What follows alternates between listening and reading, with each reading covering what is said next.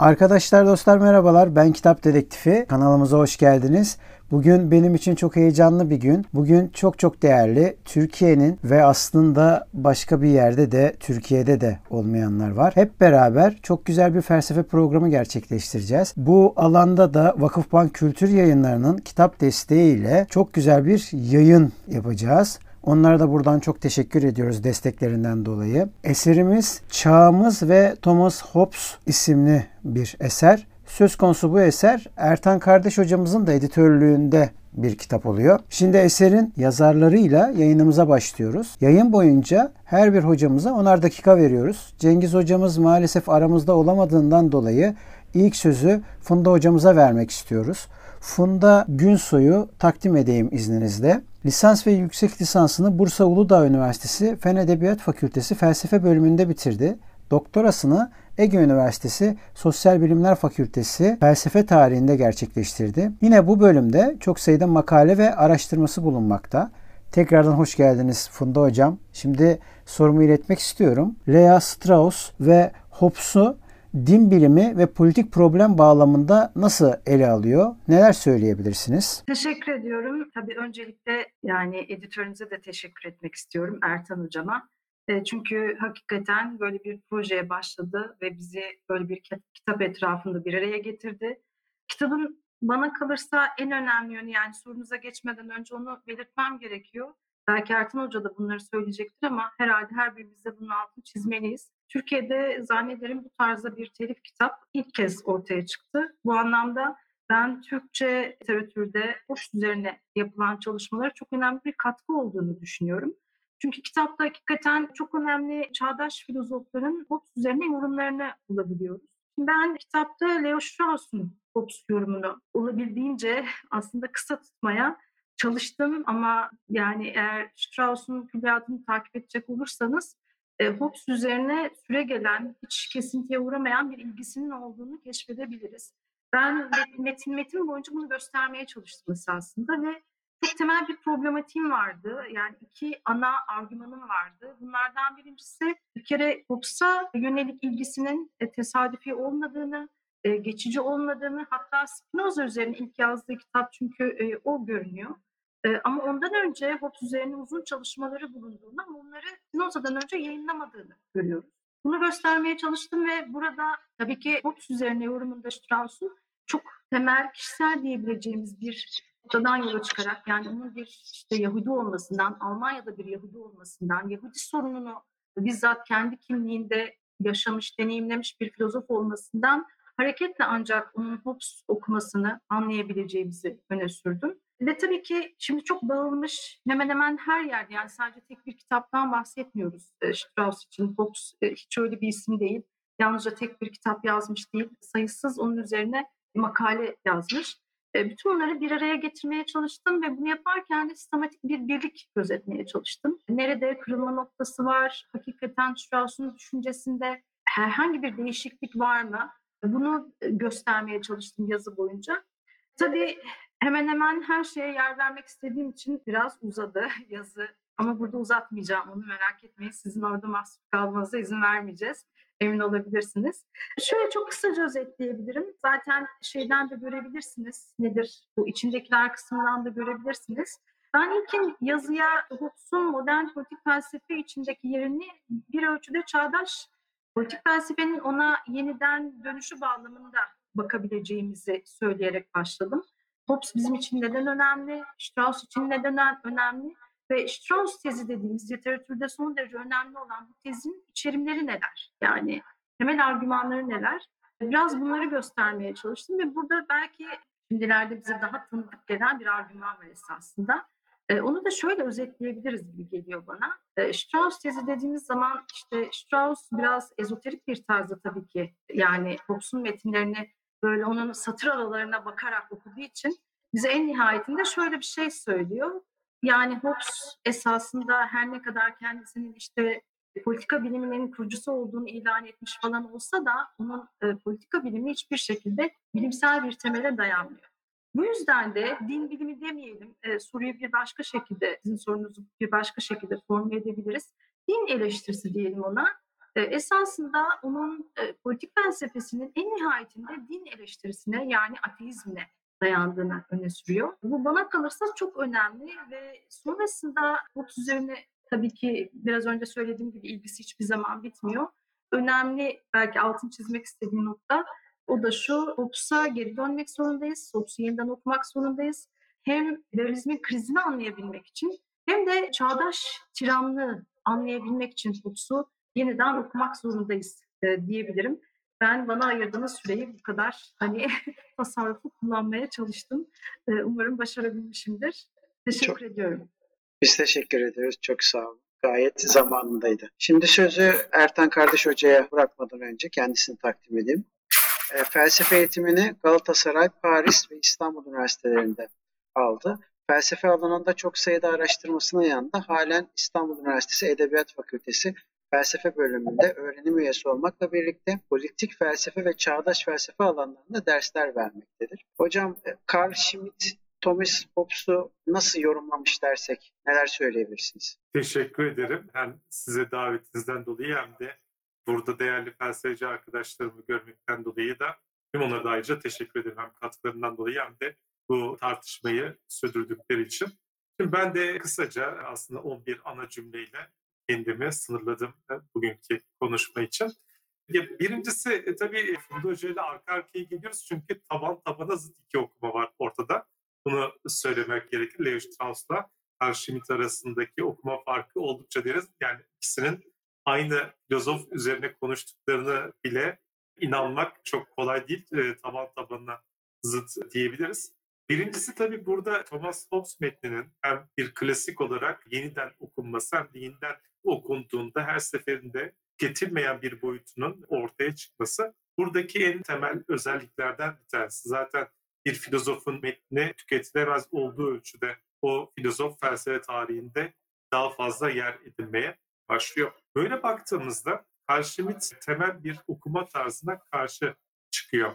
Ak Hobbes ve Kara diye iki ikiye ayırırsak Ak Hobbes okumaları genellikle onun liberal yönünü ortaya çıkaran, Kara Hobbes okumaları ise daha çok işte otoriteryen özellikleri ya da egemenlik faktörüne çıkan okumalar olarak genellikle bıçak gibi ikiye ayrılır bütün Hobbes okumaları. Fakat benim görebildiğim kadarıyla Schmitt bu ikisini ayırmadan Hobbes'u bütünlükle, bütünüyle çift değerlikleriyle ve bu belirsizlikleriyle ve aynı zamanda modernliğe özgü bir takım çelişik dinamikleriyle kavramaya yöneliyor. O zaman da Thomas Hobbes'un o meşhur sözü öğretiyorum ama boşuna lafını aslında bütün felsefe tarihi ve bu kitaptaki andığımız filozoflar boşuna çıkarıyor. Şüphesiz her filozof, her çağdaş filozof çağımızı düşünmek için Thomas Hobbes'tan farklı dersler çıkarıyor ve Schmitt'in çıkardığı dersler de özellikle politik dersler olarak bunu basit olarak özetleyebiliriz. Bu politik dersler dediğimizde temelde Schmitt'in görebildiği kadarıyla hem Hobbes sonrası tartışmalarda bakarak politik öğenin herhangi bir şekilde yasanın formelleştirilmesiyle ya da yasanın pozitif kodifikasyonları pozitif bir şekilde teknik hale getirilmesiyle bütünüyle tarafsızlaştırılamayacağını ya da politik öğenin hiçbir şekilde ortadan kaldırılamayacağını yönelik bir okuma Schmitt'te ön plana çıkıyor. Hatta burada işte Carl Schmitt'ten Pierre Manon'a kadar bir filozof grubunu anarsak şu sözü hatırlatmak gerekir. Ne ortada aslında liberal bir politik politika kavramı yok. Bir politika eleştirisi kavramı var. Tezi burada Hobbes okumasında oldukça baskın bir şekilde ortaya çıkıyor. Çünkü Hobbes'u sadece bir politika eleştirisi olarak değil, aynı zamanda politik öğenin indirgenemezliğini ortaya koyan filozof olarak. İşte burada gelelim ikinci kritik bir özellik ortaya çıkıyor Hobbes okumalarında. İnsan güvenliğini sağlayacak faktörler ya da insanın, insan topluluk olarak insanların güvenliğini sağlayacak faktör ne kadar rasyonist bir şekilde inşa edilebilir? Eğer bu inşa bütünüyle rasyonist metotlara sahipse niye bu kitapların ismi Leviathan, niye bu kitabın ismi Behemoth gibi mitik hatta teolojik figürler var. Şimdi bir kere bu bile Thomas Hobbes'taki aslında bütün o çift değerlikleri ve farklı tandansları vurgulamaya yetiyor. Evet Hobbes'ta devlet Commonwealth dedüktif olarak inşa edilir. Yani ampirik bir öğe olarak ele alınmaz. Yani burada oldukça rasyonist bir şema vardır. Fakat yine de bu rasyonist şemanın içerisinde bütünüyle indirgenemeyen ve bütün bu birliği sağlamakta bize yardımcı olan mitik figürlere de oldukça kuvvetli bir şekilde başvurulduğunu görmekteyiz. Demek ki Schmidt'in Hobbes okumasından çıkardığı şey Hobbes'un eğer illa bir ak Hobbes diye bir vurgu yapacaksak yani o liberal yanını ortaya çıkaracaksak Schmidt bu liberal patosun aslında Thomas Hobbes'un bütünüyle makineleştirdiği devlet tasavvuru içerisinde ölmeye mahkum olduğunu ve 21. yüzyılda ya da 20. yüzyılın ikinci yarısı itibariyle zaten hayatta kalmayacağını düşünüyor. O zaman e, burada iki şey yapmamız gerekiyor. Ya Hobbes'un makinesini devlete çöpe atacağız ya da Schmidt'in yaptığı gibi, yani tam Schmidt'ten alıntılıyorum, Hobbes'un ruhunu kurtarmaya girişeceğiz. Ve böylelikle Schmidt Hobbes'un ruhunu kurtarırken bize burada şunun bir anlamda vurgusunu yapmaya başlıyor.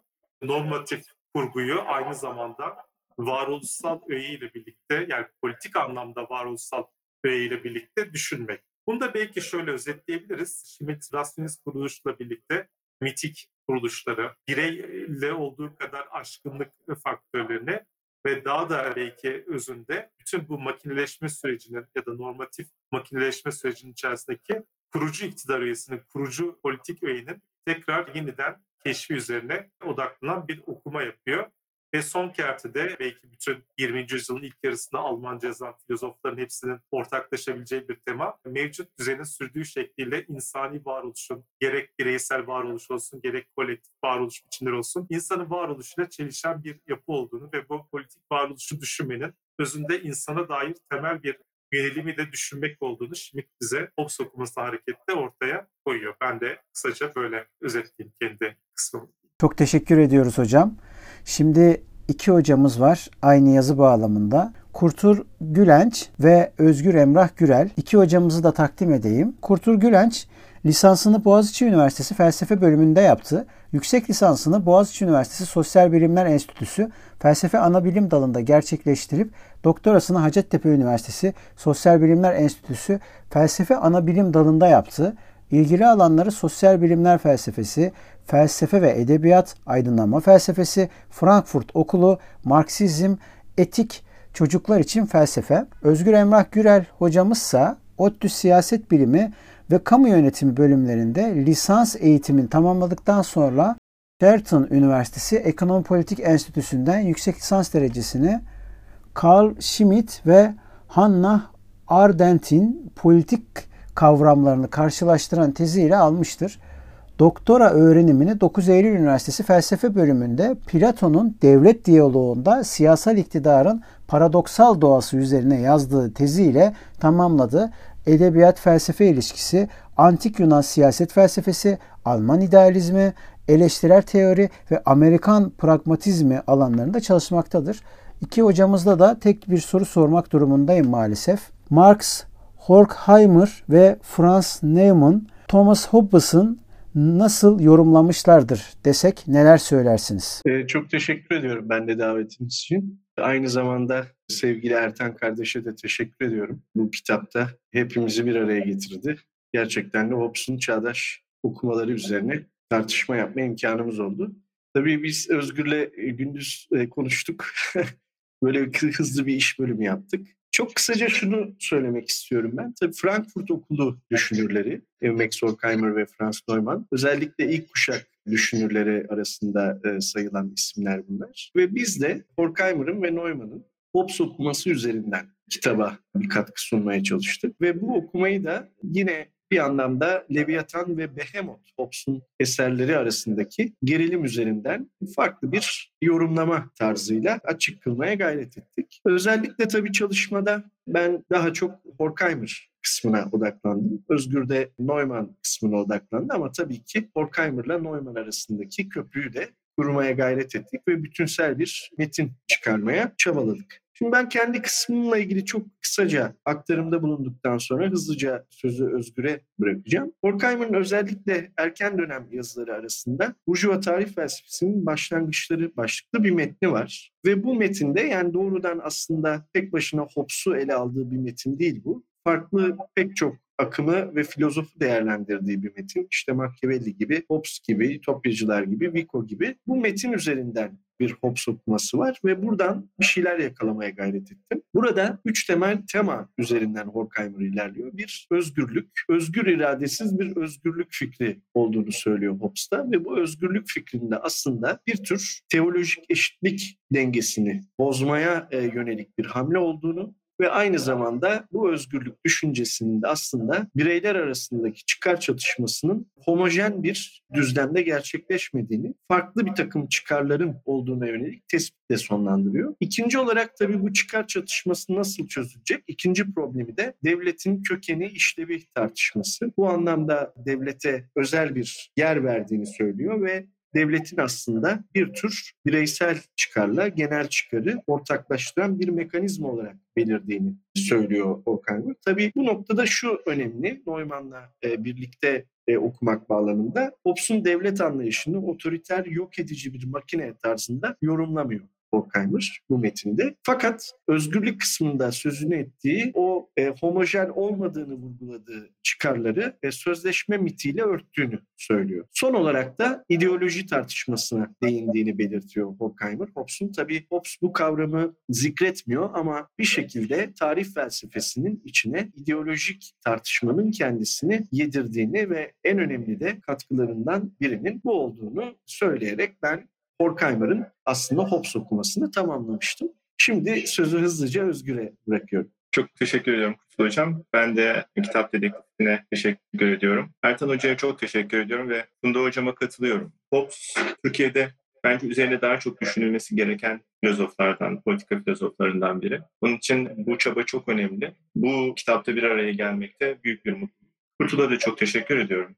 Bu yazıyı beraber yazmak ve birçok başka çalışmamızda da ortaklık içinde düşünmek benim için büyük bir keyif, büyük bir mutluluk, büyük bir onur. Şimdi Franz Neumann enteresan bir figür. Çünkü eleştirel teoride yani Frankfurt Okulu'nda bir ara figür ve yine Türkiye'de çok bilinen figürlerden biri değil. Fakat hem Ertan Hocam'ın hem Funda Hocam'ın söylediği gibi bir Alman ve bütün o Alman mantalitesine çok hakim ve Horkheimer ve Adorno tarafından da enstitüye çok büyük bir heyecanla kabul ediliyor. Fakat Amerika'ya geçtikten sonra bir daha Almanya'ya dönmeyen Frankfurt Okulu üyelerinden ve ne yazık ki talihsiz bir erken kaza sonrasında da belki de birçok üretken çabayı göremeden Neumann'ı kaybediyoruz. Şimdi burada çok e, kritik üç meseleyi ben e, Kurtul Hoca'yı da e, izleyerek devam ettirmek istiyorum. Şimdi Franz Neumann Hobbes üzerine düşünürken aslında üç şey üzerine, üç rejim tipi üzerine düşünüyor. Bunlar sırasıyla faşizm, liberalizm ve sosyal demokrasi. Bunları çok anlamak mümkün. Ve böylece de Ertan Hocam'ın o tabirini beğendim çünkü Neumann için önemli. Aslında Neumann iki Hobbes olduğunu iddia etmek konusunda ısrarcı. Yani bir Ak Hobbes, bir de Kara Hobbes. Ve bunu da o çok meşhur 1942 yılında kaleme aldı ve Alman faşizmini izlediği ve bugün artık klasikleşmiş kitaplardan biri olan kendi Behamon çalışmasında Alman faşizmini nitelendirdiği çalışmasında dile getiriyor. Şimdi bu niye önemli? Çünkü aslında Amerika'ya gittikten sonra ve liberalizm üzerine ki ölümünden sonra Herbert Marcuse'nin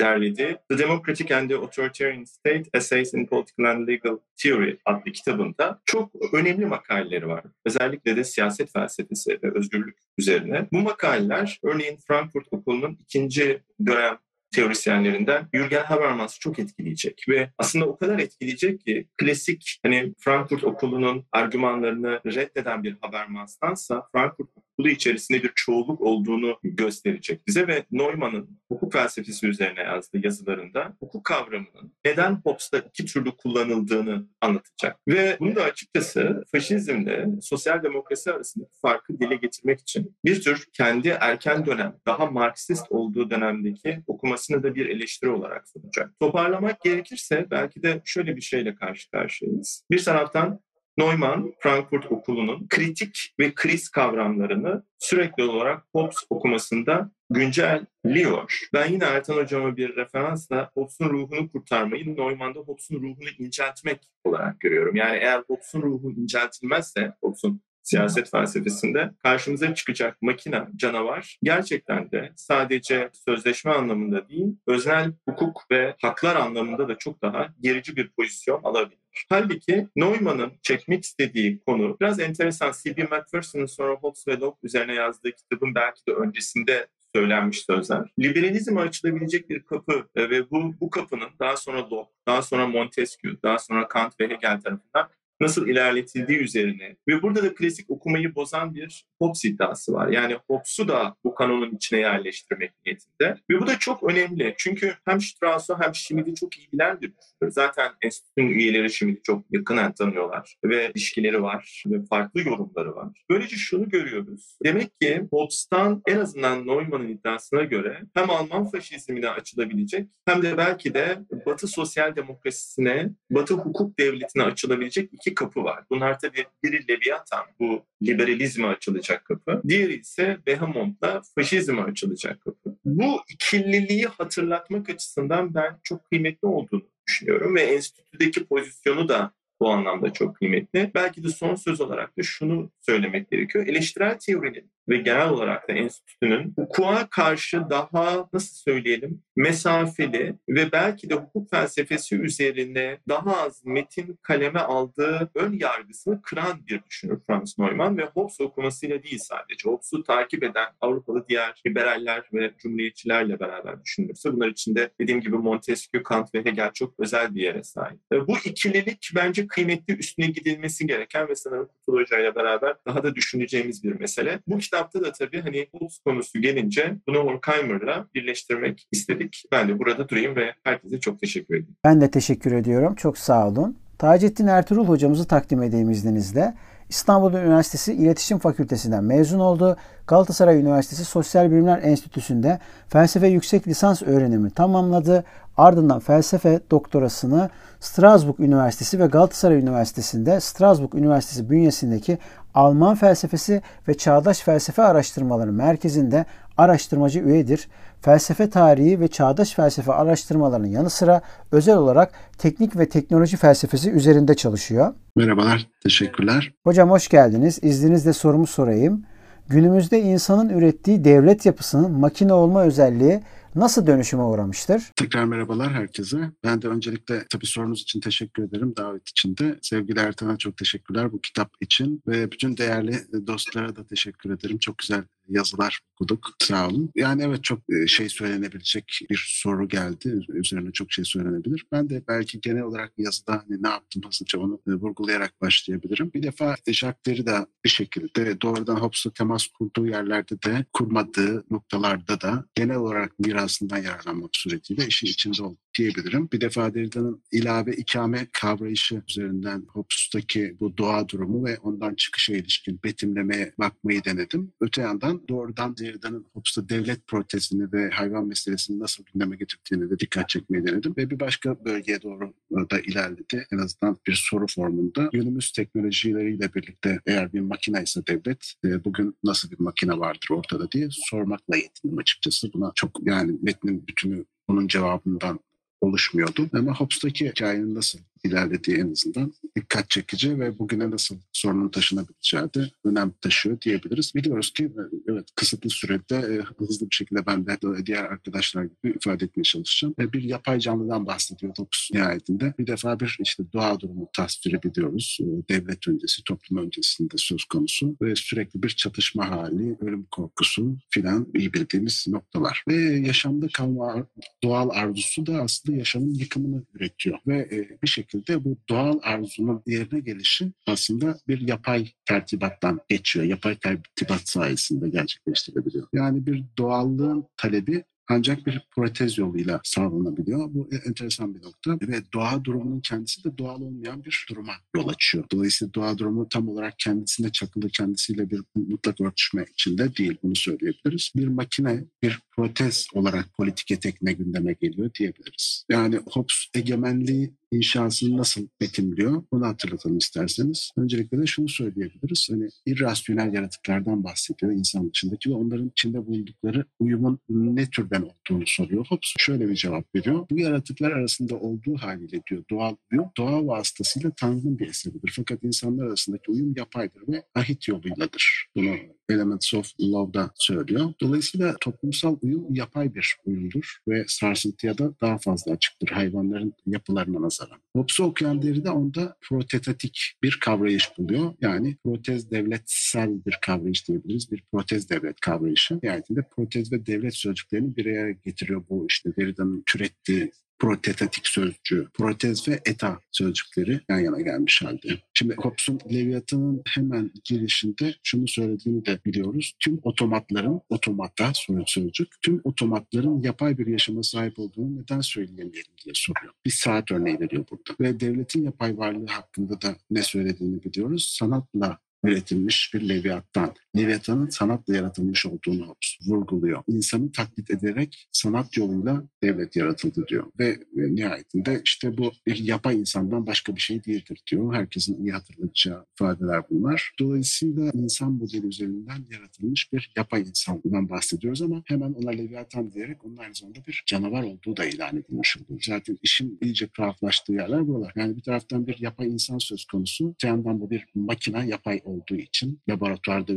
üretilmiş olduğu için bu insan aynı zamanda bir robot, bir makine ama aynı zamanda da canavar. Şimdi bu yapay insanın uzuvlarını da detaylı olarak Betim günü nasıl çalıştığını, insan, makine ve vahşi hayvan canavar bu üçlünün bir araya gelişi basit bir tesadüf değil anlıyoruz ki ve derinin okuması da aslında bu derin bağıntıyı görmeye yani en azından bir veçesiyle yaklaşmaya imkan tanıyor diyebiliriz. Politik otomattan bahsediyoruz demek ki. Devlet bir artefakt anlamına geliyor bu da ve Derrida bu noktada şu saptamayı yapıyor. Eğer yapay hayvan olarak protetik canavarlık olarak, leviathan olarak egemenlik bir insan ürünüyse yani artefaktıysa dolayısıyla da doğal değilse dekonstrüktiftir. Yani yapısı sökülebilir karakterdedir. Tarihseldir ve tarihsel olarak da kırılgan, ölümlü ve de mükemmelleştirilebilirdir. Dolayısıyla dönüşüme açık bir yapı karşısındayız. Aslında o kaçınılmaz zorunluluğuyla tarif edildiği yerde tam da tarihselliği içinde tarif edilmiş oluyor ve bu aslında onun elden çıkarılabilirliğini de mümkün kılacak olan şey.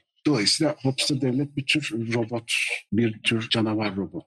Ve Derrida bu saptamayı açıkça yapıyor. Laboratuvarda üretilmiş bir robot diyor doğrudan. Tabii işi ironik kılarak bir ölçüde. Ee, bir şekilde bir politiko-teknolojik aygıt. Kaçınılmaz olarak teknolojik olan bir politik aygıt karşısındayız. Ve Hobbes'taki hem vitalist hem mekanist beçelerin birlikteliğini açıklamak için de şu noktaya dikkat etmek gerekebilir. Protez devlet makinesi onu üreten insanın bir taklidi. Yani iki veçeyi anlamak için tam da işte insan modeliyle ama yapay bir insan söz konusu olması hesaba katılabilir. Yani bir yapay canlı ama bir ejderha var ve bu sadece bu ejderhanın de, figürün devreye sokulması yalnızca onun devletin mutlak dehşet verici kudreti ve gücüyle alakalı değil anlaşılan. Derrida'nın buradaki yine diyelim ki katkısı, katkılarından, düşük katkılarından bir tanesi işte bu noktada karşımıza çıkıyor. Sadece cezalandırma gücü ve kudreti nedeniyle devreye girmiyor canavar ama aynı zamanda felsefenin hayvanat bahçesinde geleneksel olarak hayvan yasanın dışında tanımlanmıştır bir figür olarak ve bu şekilde tam dışa itildiği, dışa itilmesi gereken bir düzlemde, politik düzlemde yeniden hayvanın suretini egemenin yüzünde yakalamamız, görmemiz başka bir şeye daha işaret ediyor. Bu da şu açıkçası çünkü hayvan yasanın dışında ve yasanın ötesinde or la loi olarak egemen de yasanın üstünde. Dolayısıyla yine yasanın dışında bir başka buluşma noktası burada ve Derrida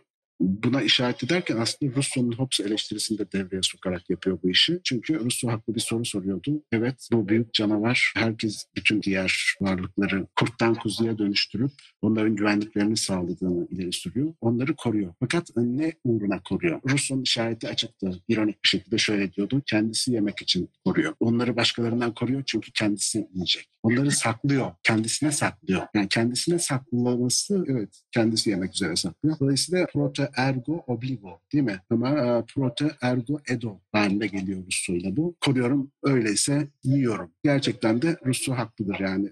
Onları yemesini de engeller. Çok az kaldı esas soruya doğru gelmek için. Şimdi tam da bu soruyla birlikte bu canavar makinayı bugünden düşünmek istersek işte hangi sorular sormak gerekir? Aklıma gelen birkaç tanesini burada işaret edeceğim. Canlı makine olarak devleti tabii bugünden bahsettiğimizde işte yapay zeka ve dijital teknolojilerle birlikte düşünmek gerekliliği akla geliyor. Hakikaten de yapay bir canlı olarak bu makine devlet yapay zeka çağında artık ne türden bir otomattır acaba diye sormak ve bunu e, ciddi bir şekilde çalışmak sanırım ilgi çekici olacaktır. Devlet giderek daha ileri teknolojik protezlerle e, donanıyor ve bu aslında onu acaba daha da organik hale getiriyor. Şimdi Hobbes'un tomat için verdiği örnek neydi? Saat örneği. Ve bugün olsa Hobbes acaba yapay zekalar çağında otomatlar da aslında yapay bir yaşam sürmüyor mu derken hangi örneği verirdi acaba? Tarafıyla bunu hesaba katmak da gerekiyor. Ama öte yandan da eğer devlet bir makineyse onun kendi işleyişi açısından bütün bu yapay zeka ve dijital olanaklar ne sunuyor? Bunların getirdiği arşivleme, iz yakalama kapasiteleri, gramatizasyon yani kodlama, bütün yaşam akışlarını ve dünyadaki unsurların akışlarını kodlayarak yakalama ve işleme kapasiteleri devleti nasıl bir makineye dönüştürmektedir? Bitirirken şunu da söyleyelim. Bütün bu arşivlerin dışında bir yandan da baştan sona farklı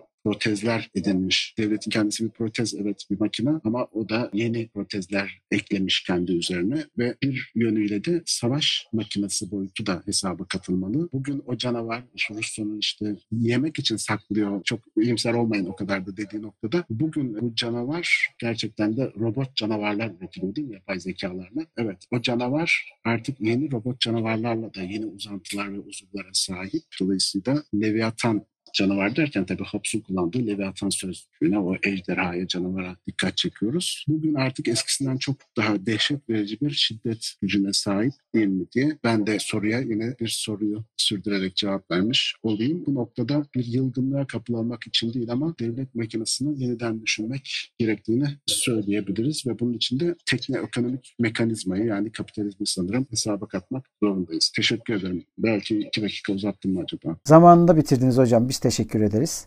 Şimdi Eylem Yolsal hocama söz vermek istiyorum ama öncesinde takdim edeyim kendisine.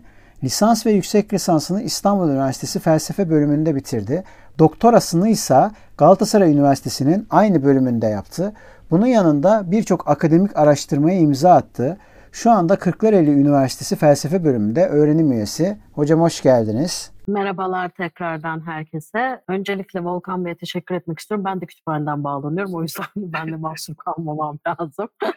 Ve Ertan'a çok teşekkür etmek istiyorum. Ertan Hoca'ya öylesine bir kitap projesinde davet ettiği için bizlere ve bunu mümkün kıldığı için. Kitap bittikten sonra bile kitabın sürekliliğini devam ettiren böylesine üretken mecralarda tekrar sizlerle karşılaştığım için ayrıca çok mutluyum. Ben kendi bölümümde neler yaptığıma geçmeden önce bir kitap bölümü yazmanın zorluğundan oldukça kısa bir şekilde şekilde bahsedeceğim. Her ne kadar bir kitap bölümü yazarken belirlenmiş bir konu vardır, yazarlar da en baştan bellidir. Fakat buna yaklaşımlarının nasıl olacağını kestirmek pek mümkün olmaz. Örneğin sizin yazdığınızda değinmiş midir? Siz bir tekrar mı yapıyorsunuzdur orada? Yoksa bambaşka bir perspektiften baktığı için sizin değininiz açıkta mı kalmıştır, onaylanmış mıdır? Bu soruların cevaplarını açıkçası kitap bitip de elinize geçene kadar bilmezsiniz. Ama o kitabın da bir parçası olarak bu süreçtesinizdir. Bu kaygılarla veya işte e, daha değişik düşüncelerle kitap bölümü yazılır. Bizim şansımız da denilebilir ama bence bilinçli tercihimiz çalışmalarına yakından tanıklık ettiğimiz yazarlarla kitabın yayınlanma sürecine geçene kadarki aşamada görüşlerde ve grup paylaşımlarında bulunmamızdı. Bunu bilhassa belirtmek istiyorum çünkü kitap sadece Hobbes'un çağımızda alımlanışının belli açılardan ele alınışını, bu zaten arzuladığımız bir şeydi, aşarak Hobbes hakkında bölümler arasında devamlılığı olan bir kitaba dönüştü. Kendi nezdimde bunun çok önemli olduğunu düşünüyorum. Ben kendi bölümümde şu sorunun cevabını aramaya gayret ettim. Çağdaş Fransız filozoflarının Hobbes konusunda neler söyledikleri. Çünkü ne olursa olsun Hobbes klasik bir filozof. Muhakkak herkesin metninde bir Hobbes geçer. Nasıl geçtiği tabii ki çok önemli. Çağdaş Fransız felsefesini, politik felsefesini tek bir şekilde gruplandırmam tabii ki imkansız. Bu zorluğun da farkındaydım. Fakat beni sınırlandıran şey çalışma alanım oldu. Çerçeve öyle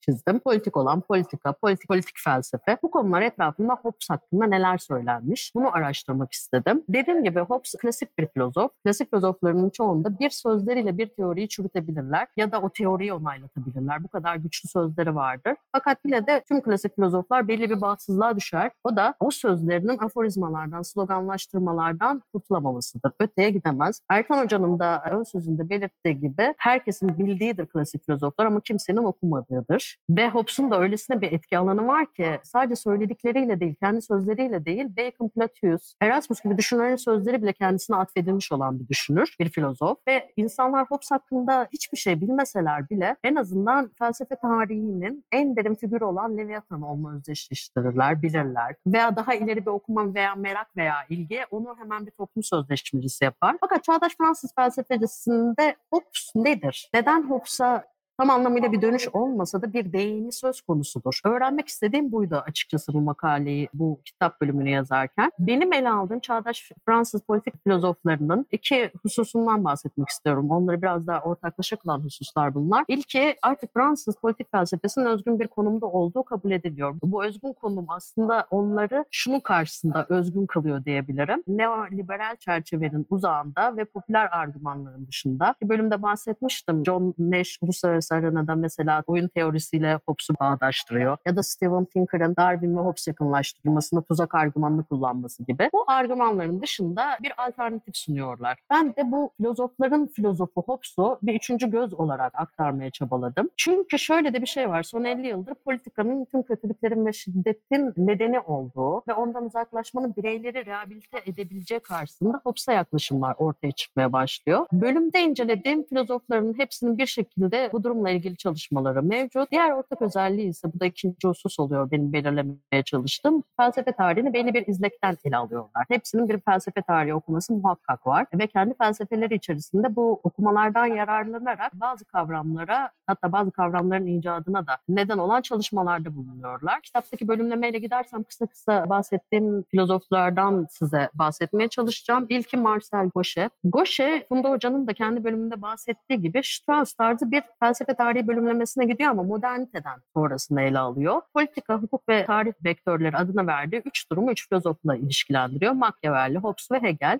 Hobbes'u hukuk ile özdeşleştiriyor ve bunun da yatan temel motivasyon ise Hobbes'un politik toplulukları hukuk alanında temellendirmeye başlaması. Hatta sözleşmeye dayalı mutlakiyetçiliğin politik düzen inşasında hukuk ile temellendirilmesi momentlerinin olmasıdır. Gauchet, Hobbes ile beraber hukukun karşısında azımsanan bir politikanın ortaya çıktığını öne sürüyor. Bu düşüncenin devredildiği bir başka filozof ise Jacques Rancière. Rancière bir politika filozofu olmaktan kesinlikle imtina ediyor. Sürekli bunu belirtiyor. Fakat felsefe tarihini bir politika filozofu olarak ele almanın metodolojisine de sahip. Rancière felsefe tarihini tamamen felsefenin politikayı nasıl bastırdığı üzerinden okuyor ve yine bir üçlemeye tabi tutarak felsefe tarihini arkepolitika, metapolitika ve parapolitika adını verdiği bir sistemle ele alıyor ve Hobbes'un payına düşen burada parapolitika yani tam anlamıyla politikanın yatıştırılması, ehlileştirilmesi ya da barışçıllaştırılması. Hobbes'un bunu yaptığını iddia ediyor Rancière. Bunu da mutlak egemenliği tesis etmek için Hobbes'un toplum sözleşmesine önerirken demos'un gücünü azaltarak çoğunluğun iradesinin birleşik iradeye dönüşmesiyle gerçekleştirdiğini söylüyor. Bu filozoflardan daha farklı bir eğilimle olmasına rağmen yine bu konularla ilgilenen Pierre Manen ise şu soruyla Hobbes'u ilişkilendiriyor. Politik politika dolayımı olmadan yani politikasız nasıl yaşanabilir sorusu. Çünkü politikanın şiddet ve korkuyla özdeşleşmesi nedeniyle ekarte edildiği bir durumda nasıl olabilir diye soruyor. Hobbes'a başvurmasının nedeni de bu. Onun da felsefe tarihi okuması iki düzeyde gerçekleşiyor. Modernitenin öncülleri olarak gördüğü ilk düzeyde Hobbes ve Locke, ikincisinde ise Kant var. Manen şunu öne sürüyor. Hobbes büyük bir kararlılıkla korkuyu ortadan kaldırmanın koşulu olarak devletleşmeyi öne sürerken günümüzün politikasını şekillendirmiştir. İtaat, politik birlik, devlet egemenliği, korku ve savaş olmayacak garantisinin bileşenleridir. Hobbes doğa durumundan çıkış ile bunları tavsiye etmiştir der. E yine bir diğer filozof Lefort e, felsefe tarihini daha çok politik olanın izine sürerek ele almıştır ve politik olanı sezenler ve sevme, sezmeyenler olarak, sevmeyenler de olabilir bu sezenler, sezmeyenler olarak ikiye ayırır. Böylesine bir ayrıma gitmesinin nedeni ise Lefort'un demokrasi ve totalitarizma gibi modernliğe ait iki büyük rejimin temaslarında ortaya ortaya çıkan farklılaşmaları resmetmekte ve onun bu çabası aslında Hobbes'un Leviathan'ına bir gönderme yaptı. Bir olan halk figürü vardı Lefort'da. Ona bir gönderme yaptığına dair bazı eleştirilerin gelmesiyle sonuçlanmıştır. Çok da arzuladığını düşünmüyorum ben bunu Lefort'un. Fakat Lefort her halükarda Hobbes'un özel iradeye politik bedende alan bırakması nedeniyle hiçbir zaman totaliter olamayacağını da öne sürer. Lefort'un Hobbes'un çalışmalarına yakınlaşmasında bir diğer politik antropolog ve felsefeci diyebileceğim Pierre Class'ın çalışmaları da yakınlaşmıştır Lefort. Lefort istisnasız Hobbes'un politik felsefeye bıraktığı en büyük mirasın toplum sözleşmesi betimlemesindeki doğa durumu tasvirinin olduğunu söyler. Burada kurgusal bir doğa tasviri olmasına rağmen bir anda bir önemli bir pasajı var. Amerikan yerlerini örnek göstermesi daha sonraki birçok filozofun yerlilerin doğa durumunda kalan topluluklar olmasına neden olmuştu ve bunu böyle büyük bir gönüllülükle de kabul etmiştir diğer filozoflar. Bunun çok fazla ayrıntılarına girmeyeceğim ama Cluster'la beraber bunun Hobbes ile oturmuş olduğu bir düşünce olduğu ve bunun devlet ve toplum arasındaki bölünmenin uzlaşımsal olduğu ve devlet onaylı olduğu kabulüne yol açtığını ileri sürer. Kısacası şunu ben anlamaya çalıştım ve yansıtmaya çalıştım. Çok ucu açık cümleler de bıraktım açıkçası. Hobbes'un Fransız felsefesindeki önemi, politik felsefesindeki önemi Hobbes'un neredeyse 21. yüzyıla ait tüm korkulardan, şiddet, savaş, total egemenlik, devletsiz toplumlar, sansür, söylem hakkında bahsetmiş olmasıdır. Fransız filozoflar ise tüm bu Hobbes'u yaklaşımlara müracaat ederken her aşamada kavramsal derinlikleri artıran yeni kavramlar üretilmesine olanak veren bir Hobbes portresini bize sunmuşlardır. Bu kavramlar politik olan, parapolitika, hukuk vektörü, şiddetin politikası bu kavramlardır. Kısaca bu kitap bölümünde çağdaş Fransız politik felsefesi filozoflarının Hobbes'a dönmelerindeki dayanak noktalarını bulmaya çalıştım. Çok teşekkür ederim dinlediğiniz için. Çok teşekkür ederim hocam. Şimdi sözü Serpil hocama vermek istiyorum. Ancak öncelikle kendisini takdim edeyim. Lisans eğitimini Galatasaray Üniversitesi'nde tamamladı. Master ve doktorasını Paris Seven Detroit Üniversitesi'nde yaptı. Hobbes Derrida ve Eleştirel Hukuk Çalışmaları adlı doktora tezini Hermot'un yayınlarından yayınladı. Halen Paris Seven Üniversitesi'nde araştırmacı olarak akademik faaliyetlerini sürdürmektedir.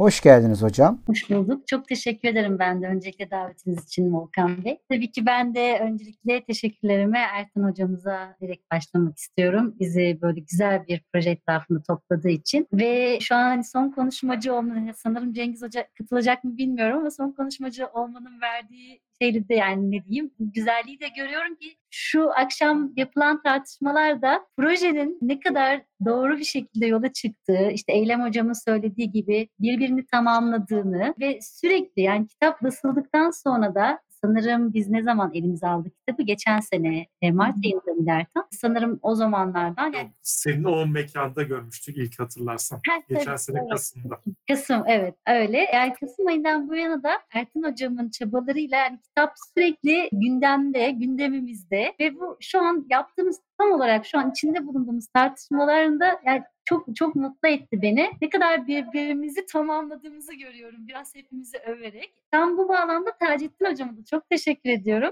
Ertan hocam da çok sağ olsun ki bizi ard arda koyarak yani içindekiler kısmını da çok güzel planlamış. Tam olarak Taceddin hocam çünkü egemenliğin yani ben de Hobbes'u aslında Derrida'cı yönden ele aldım ve tam olarak işte egemenliğin yapı sökümü fikrinden Hobbes'un adalet düşüncesine Derrida üzerinden bakmaya çalıştım kendi bölümümde. Volkan Bey'in e, sorusu da tam olarak benim bölümümün can alıcı bir sorusu aslında. Yani yasal adaletle yasal olmayan adalet ya da yasa ötesi adalet birbirine özdeş midir? Ben de tam olarak bunu inceledim. Hem yazımda hem de bu benim doktora tezim. Bu kitap sayesinde de doktora tezimin bir Türkçe bir nevi özeti, Türkçe düşüncesi gibi düşündüm. Çok iyi oldu benim için de bu böyle bir fırsat. Şimdi Hobbes'u ben de başta aslında kurban olarak seçtiğimi düşündüm, düşünüyorum Derrida üzerinden. Ama sonrasında biraz önce Ertan Hoca şunu söyledi, çok hoşuma gitti. Daha sonra da Özgür Hocamın söylediği. Schmitt için Hobbes neden önemli? Orada politik öğenin indirgenmezliğini görüyor Hobbes'ta. Ben neden Hobbes'u seçtim? Aslında benim amacım yasal, yasa ötesi adalet düşüncesini araştırmaktı. Ama ben Hobbes'tan başlamayı tercih ettim. Çünkü evet Hobbes işte liberal düşüncenin temsili ama benim içinde e, pozitif hukukun, pozitif yasanın, pozitif adalet düşüncesi denince temsili olarak, timsali olarak Hobbes'u seçtim. Ve ilk başta Hobbes'u kurban olarak seçtim. Ama sonrasında amacım şuydu, Derrida'daki yasal, yasa ötesi adalet düşüncesini ön plana çıkarmak, onun gerekliliğini göstermekti. Bunu nasıl yapacaktım? Hobbes'un modern adalet düşüncesini eleştirerek hadi eleştirme terimine geçelim. Yapı Derrida'cı anlamda konuşursam bu modern adalet düşüncesini yapı sökümüne uğratarak yasal ötesi, yasa ötesi adalet fikrini ön plana çıkarmaya çalışacaktım. Bunu başarabildim mi? Aslında şunu gördüm. Nasıl ki Schmitt için Hobbes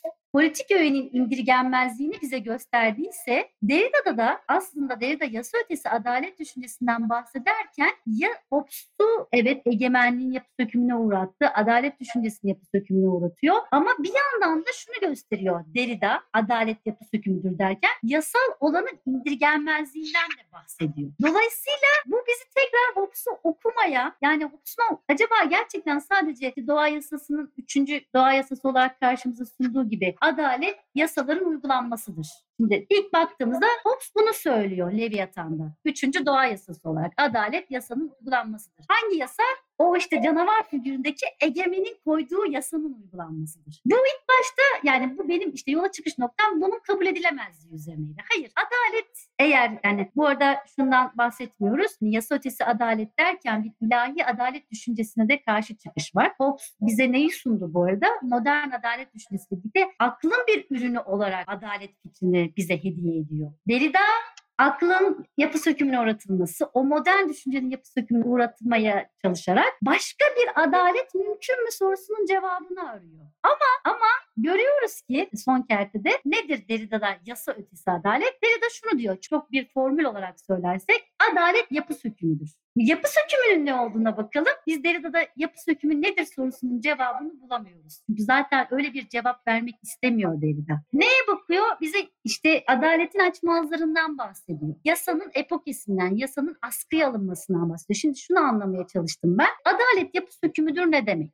Ya da yasal Yasa ötesi adalet ne demek? Yasa ötesi adalet nereye bakacağız? Nereye bakacağız? Yine yasaya bakacağız. Yani elimizde tuttuğumuz ne var? Yasa var. Peki o zaman neyi yapı sökümüne uğratacağız? İşte o yasayı yapı sökümüne uğratacağız. Nasıl uğratacağız? Yani çok pratik anlamda böyle bir sorular sorduğumuzda işte yasanın askıya alınışı. Aslında çok basit bir şekilde Derrida bizi ya da adalet ne diyelim adalet temsilcilerini, yargıçları, hukukçuları bir tür sorumluluğa davet ediyor. Çok basit bir şeydi. Anladığım bu. Yapı sökümü hükmünden an yoksa hani alıp yasayı bölmek, parçalamak, eleştirmek değil. Bizatihi önümüzde duran egemenin koyduğu yasaları üzerine düşünmek, onu askıya almak, işte adaletin ivedeliğinden bahsediyor. Üçüncü epoki, e, üçüncü açmazı. Yani bir, bir kere adalet fikri açmazlarla dolu. Üç tane de temel açmazı var. E Dolayısıyla gördüğünüz üzere yani bir yasanın indirgenmezliği var. Nasıl ki Schmitt için Hobbes'ta politik öğrenin indirgenmezliğinden bahsediyorsa yasanın da indirgenmezliğinden bahsediyoruz. Dolayısıyla biz o adil olan yasaların uygulanması mıdır fikrine muhtacız. Sonuç olarak ben kendi yazdığım yazıda kendi kendimi sorgularken bu aşamaya, bu, bu sonuca geliyorum. Bu yüzden de işte Derrida'nın, yani Derrida için neden Hobbes'un adalet düşüncesini ilk başta kurban olarak seçiyoruz ama ilk Sonrasında da şunu görüyoruz. Biz bu fikre muhtacız. O yüzden tekrardan Hobbes'a dönmeye mecburuz. Derrida'nın üzerinden de bunu söylediğimizde Hobbes'a dönmeye mecburuz. Bu fikre geliyorum. Sonrasında ben şunu da yapmaya çalıştım. Gerek Hobbes'un düşüncesi, Hobbes'un adalet düşüncesi, gerek Derrida'nın adalet düşüncesi acaba pratik olarak hukukta, hukukçular tarafından bizatihi pratikte bunu uygulayanlar tarafından nasıl ele alınıyor, nasıl yorumlanıyor ve bu anlamda Amerika'daki eleştirel hukuk çalışmaları hareketine baktım. Bunlar daha çok felsefeci değiller, hukukçular, aralarında yargıçlar var, avukatlar var, aynı zamanda hukuk felsefecileri. Daha çok hukuk alanından gelen düşünürlerin olduğu bir hareket bu. Hatta en son çok yakın zamanda en önemli temsilcilerinden biriyle Duncan Kennedy ile görüşme fırsatım oldu. Onunla bir röportaj yaptım. Çok ilginçtir ki onun daha çok Derrida'dan etkilendiğini düşünürken Hobbes'a göndermeler yaptığını gördüm. Yani bu da bakın işte tam olarak kitabımızın yani çağımız ve Thomas Hobbes. Yani 1600'lü yıllarda yaşayan bir filozofun 2020'li yıllarda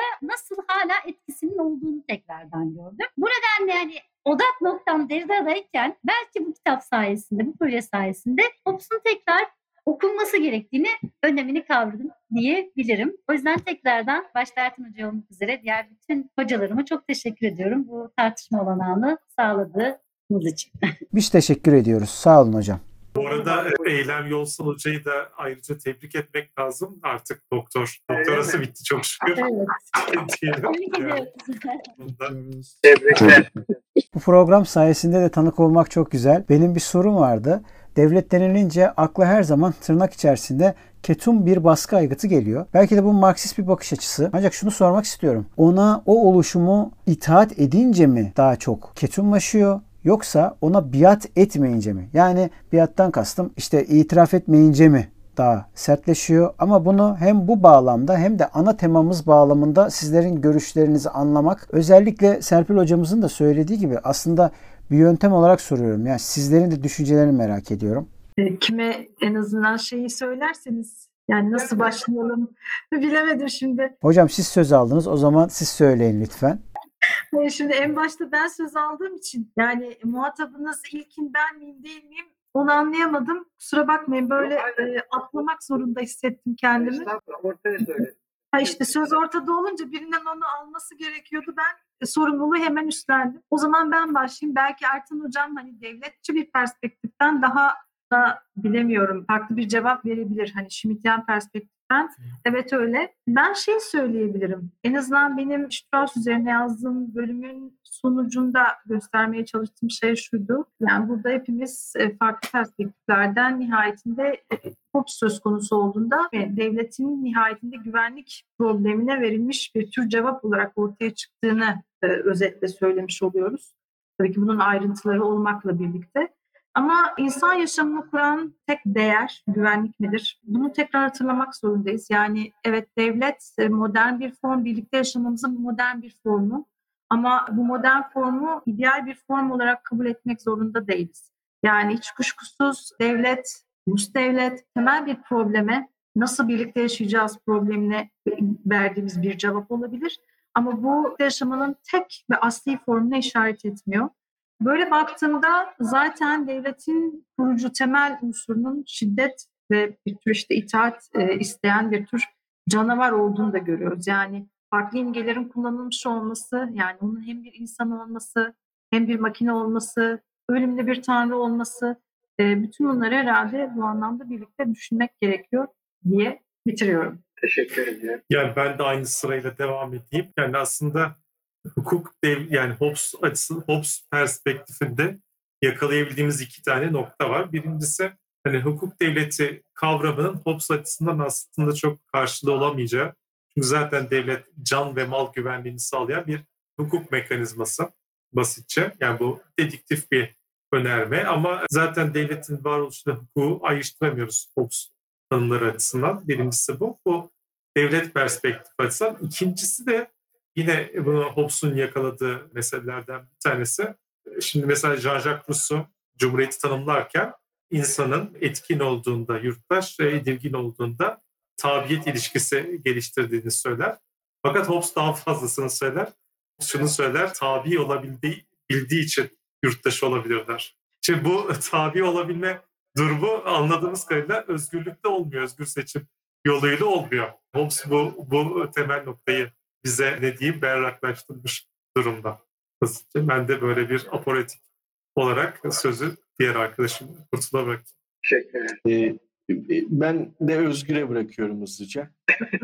İki yazarlı olmamızın avantajını kullanıyorum.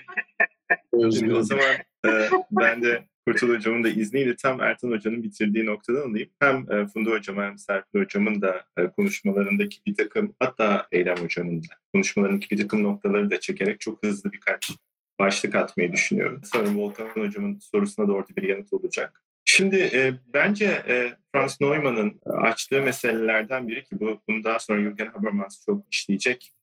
E, adalet ve yasa ilişkisi. Şimdi tabii e, Derrida için bu konu malum ve biz de Kurtul Hocam'la bir süredir, uzunca bir süredir bunu Derrida ve Habermas arasındaki bir tartışma açısından da düşünüyoruz. Çünkü sanırım iddia edilenin aksine iki filozof arasındaki 11 Eylül sonrasında beraber oldukları kitapta da bunu dile getirdiler. Hatta üstüne yazılan e, bir takım yorumcular da bunu yaptı. O kadar da büyük fark yok. Eleştirel teori sanırım e, Fransa ve Almanya'dan şunu söylemeye çalışıyor. Ütopya ile normatif olan arasında yani normatif olan Ütopya ile fact olgu arasındaki ayrım e, eleştirel teori için çok kıymetli. Ve bu anlamda ben hocamın kesinlikle Serpil hocamın sorusunu önemli buluyorum. Yasanın askıya alınması meselesi. Şimdi bu askıya alınması meselesi kesinlikle yasanın farklı şekillerde yorumlanıyor olabilmesi meselesi. Şimdi tabii burada yalnız şunu hatırlatmak gerekiyor. Bence Ertan Hocam da onu çok iyi hatırlatıyor. Yasa aynı zamanda özneyle de ilişkili bir şey. Yani yasa özneyi kuran bir şey. Ve sanırım biz Hegel ve Marx'tan beri bu tartışmayı yapıyoruz. Fakat tabii öznenin nasıl kurulduğu e, hep negatif değil, aynı zamanda pozitif de olan bir şey. Yani bu anlamda da belki soruyu şöyle de sormak gerekiyor. Yasayı askıya alan kim ve ne amaçla alıyor yasayı askıya? Hani şimdi ben e, Türkiye genelinde de hani Hobbes Türkiye açısından da bence ve Türkiye'deki politika felsefesi açısından da çok önemli. Hani yurttaş olmayı da askıya alma iddiasında olan bir devletle adaleti askıya alıp yeniden yasayı askıya alıp adaleti çok daha geniş bir perspektiften yorumlamak isteyen yurttaş özne arasındaki ayrım bence çok kıymetli ve bu sanki bu iki soru bir arada düşünülmeli gibi. Yani eğer adalet teması e, yasa tamamen ortadan kaldırılarak düşünülmeye başladığında belki de o hani çok önemli cumhuriyetçi mitolojiyi de yeniden üretiyor. Ne demek istiyorum? Özetle şunu söyleyeceğim. Sanırım eleştirel teori içerisinde şu çok kıymetli ve bence Derrida ile Habermas'ı da birbirine yakınlaştırmaya başlayan son dönem okumalarda da bunu görüyoruz. O da öznenin kuruluşunda hukukun negatif olduğu kadar pozitif bir etkisi olduğunu da sanırım fark etmek gerekiyor. Ee, özellikle Frankfurt Okulu'nun bu anlamda ister Horkheimer'ın, ister Marcuse'nin, ister mesela çok son dönemde çıkan Adorno'nun Türkçe'de de basılan bir takım yeni sağ üzerindeki yazılarında ki bunu da yine Serpil Hocam'ın mesela bu, bu Kennedy referansıyla beraber düşünmek lazım. Hukukun aynı zamanda özneyi pozitif bir şekilde de olumlayan bir şekilde de kurduğunu, öznenin de bu olumluluktan Ertan Hocam'a referansla Cumhuriyet içerisinde çok daha mature, çok daha mündih bir e, hal alabildiğini sanırım hatırlamak gerekiyor ki bu herhalde eleştirel teori için çok kıymetli. Yani bu ikililik. Yoksa e, sanki bazen hani özellikle liberal siyaset felsefesi içerisinde Habermas gibi, Neumann gibi, yakın zamanda kaybettiğimiz e, The Working gibi düşünürlerin hani eleştirel hukuk çalışmalarına sorduğu soruyu hatırlamamız gerekiyor. O da şu, yani ben onun için konuşmaya da öyle başladım. E, Volkan Hocam'ın sorusu da o.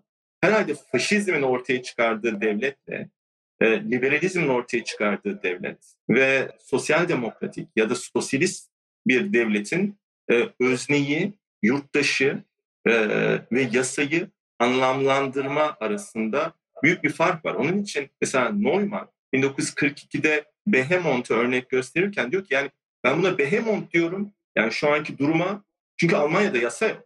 Yani Almanya'da yasanın olmadığı bir durum, yasanın sürekli askıya alındığı bir durum üzerine düşünüyoruz. Belki hani burada gerçekten ben de Ertan Hocama bir kez daha teşekkür ederek bitireyim. Bu Kurtul Hocam'la da bizim uzun zamandır yani e, bir tartıştığımız bir konu. Hemen çözümlenecek bir konu değil ama bu hani Alman-Fransız tartışması açısından da çok kıymetli. Bu filozofları farklı açılardan okumak açısından. Aynı zamanda hani çok yakın zamanda e, Cumhuriyet tartışmalarının da yeniden alevleneceği düşünülürse hem Türkiye'de hem Avrupa'da e, biz de ikinci bir yüzyıla doğru adım atıyorsak hani buradaki bu üçlü yapıyı adalet, yasa ve özne arasındaki ilişkiyi düşündüğümüz, e, düşünmemiz herhalde faydalı olabilir diyorum. Çok teşekkür ederim. Ben teşekkür ediyorum. Evet. Serjet Hocam buyurun.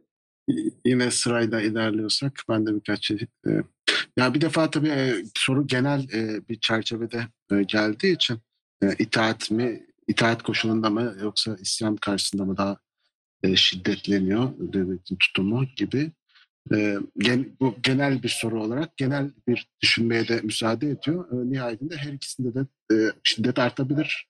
Varyasyonları tek tek denemek gerekir bu koşulda. Çünkü bir tanesinde sonuç olarak ne kadar itaat ederseniz alanı o kadar genişletmek gibi bir durumla karşı. Yani alanı o kadar genişletebilir. Dolayısıyla yani ne kadar az ejderha, leviathan filan e, imgeler bunlar. Kadar e, çıksa o kadar fazla e, yayılacaktır gibi de anlaşılabilir. O kadar genişlemeyi tercih edecektir. Öte yandan zaten itaatin bir sınır tanımaksızın hani ucu bucağı olmadan sergilendiği bir durumun kendisi de bir şiddet hali değil midir? Yani sürekli boynunuzu eğmiş haldeyseniz bu da zaten şiddet, altında olmanın bir başka hali değil midir diye düşünebilir. Öte yandan tabii ki isyan da zaten o erki sarsan bir tutum olarak yeniden şiddete yol açabilir. Bu genel olarak söylenebilir ama bir taraftan da zaten Hobbes bağlamında bakınca hani işte kurtlar sahnesi, doğa durumu ve bunların işte kuzuya dönüştürülmesi hikayesi yani domestikasyon e, anlatısına da benziyor. İşte Freud kültür tarihi insanın domestikasyonu hikayesidir diyor ya mesela başka bir şey akla geliyor. Yani bir hayvanı e, terbiye etmeye çalışıyoruz gibi bir hikaye. E, Freud açısından bakınca da. Şimdi Hobbes'ta da nihayetinde işte e, bir kuzu e, sürüsü yaratılmaya çalışılmış ve şiddetin monopolizasyonu zaten bu bakımdan da hani şiddetin tekerleşmesi herkesin elinden alınıyor. Bir tek odakta şiddet merkezleşiyor. Öyle bir hak tanımlanmış oluyor. Şimdi bunu da söyledikten sonra dolayısıyla korkunun bir transferi aslında söz konusu. Burada Derrida'nın bir cümlesiyle ben sözümü bitireceğim düşünülebilecek ironik bir tarafı var yine. Hobbes'un mantığı içerisinde onun betimlemesini izliyor ve onun içine bu sözü yerleştirebiliriz. Ama işte orada bir dezort, bir bozukluk bir anda ortaya çıkıyor o mantık sürdürülünce. O da şu, insanlar yaşamları için, kendi bedenleri için korktuklarından ve dolayısıyla da korunmaya ihtiyaçları olduğundan egemenliği inşa ederler. Ardından da inşa ettikleri yasaya, yasayı çiğnerlerse cezalandırılacak olma korkusuyla boyun eğerler. Derrida işaret etmiş. Yani korkup bir yasa yaratıyorsunuz sonra da yasayı çiğnersem cezalandırılın diye tekrar korkup yasa uyuyorsunuz. Düşünelim derim. Teşekkürler. Belki ben de tam burada bir ekleme yap- yapabilirim izniniz olursa. Yani işte Özgür Hocam çok güzel özetledi aslında hepimizin ve çok güzel buluşturdu yine bizi. Şimdi benim gördüğüm de yani aslında mesela Derrida'nın Hobbes okumasında benim gördüğüm şey bu modern düşüncenin kavramlarının hepsinin bize kırılgan olduğunu gösteriyor. Yani işte Hacettin Hocam söyledi egemenlik aslında Hobbes'un bize ya da çoğunlukla anlaşıldığı gibi mutlak ve bölünmez değil. İşte protest kavramıyla görüyoruz ki egemenlik aslında kendi kendini de yıkıma uğratan bir kavram. İşte ya da adalet, yasa, özne diyoruz. Yani aslında Derrida'nın bize gösterdiği bunları böyle net bir şekilde işte adalet eşittir yasa, özne eşittir akıl bu eşlikleri bozuyor yapı söküm düşüncesi. Yani işte özne evet yasal adaletten bahsediyoruz ama hep ötesini düşünmeye davet ediyor. Mesela yapı söküm düşüncesi. Özne diyoruz ama ötekiyi davet ediyor. Özneyi özneyi ötekiyle birlikte düşünmeyi davet ediyor. Özne eşittir akıl denkleminden çıkartıyor. Dolayısıyla adalet eşittir yasa ekleminin eşitliğinden çıkıyoruz. Modern düşüncenin kavramlarının kırılganlığını görüyoruz. O yüzden yasa ötesi adalet fikrini düşünmek zorunda kalıyoruz ve aynen bir de şunu söylemek istiyorum. Yasanın askıya alınması derken benim söylemek istediğimde yani kesinlikle yasanın olmaması durumu değil. Tam da işte o yüzden yani yasaya muhtacız ama onu yapı sökümüne uğratabiliriz. Yani uğratmalıyız. O adil olana adaletin, gelecek adalet düşüncesi. Yani acaba bu var mı bilmiyoruz. Böyle bir adalet düşüncesi var mı? Ama çabalamalıyız. Yani benim anladığım yapı sökümü adaletin, yasalın, yasal adaletin yapı sökümü fikrine uğratılması bu. Çabalamalıyız. Nasıl ki özne fikrinde ötekiyi görme fikrine çabalamak zorunda olduğumuz gibi. İşte bu eşitlikler, bu denklemlerin kırılması olarak düşünülebilir diye düşünüyorum. O yüzden tekrar yani en baştaki sorunuza gelince devlet ketum mu Hobbes'ta? E, Belki de şunu görüyoruz. Tüm bu çağdaş çağımızda Thomas Hobbes okumalarına bakarak bunlar kırılgan kavramlar olarak karşımıza çıkıyor. Devlet bence Hobbes'ta çok kırılgan bir kavram olarak karşımıza çıkıyor. Böyle söyleyebilirim. Çok teşekkürler tekrardan. Teşekkür ederim. Eylem hocam. Ben sorunun cevabından ziyade bir öneride bulunmak istiyorum. Hani soruyla ilişkili olarak devletin oluşmasını önlenemez bir arzu olarak tanımlanmasına rağmen devletin kader olmadığını söyleyen 16. yüzyıldan La Boétie var. Ve şöyle der, başka türlü olabilirdi der. İşte bu başka türlü olmanın imkanlarını sunan filozoflar, kanunun dışında kalan filozoflar, belki de madunlar bilemiyorum. Ama alternatif bir felsefe tarihine bakılarak yeni bir devlet çözümlemesinin yapılabileceğini düşünüyorum. Bu kadar. Çok teşekkür ederim. Ben teşekkür ederim. Çok teşekkürler. Her bir hocaya ayrı ayrı teşekkür ederim bu güzel konuşmalar için. Son olarak kanalımıza abone olup paylaşmayı ve yorumlar yapıp bize askıda kültür sanat ile destek olabileceğinizi hatırlatmak isteriz. Görüşmek üzere. Kendinize iyi bakın.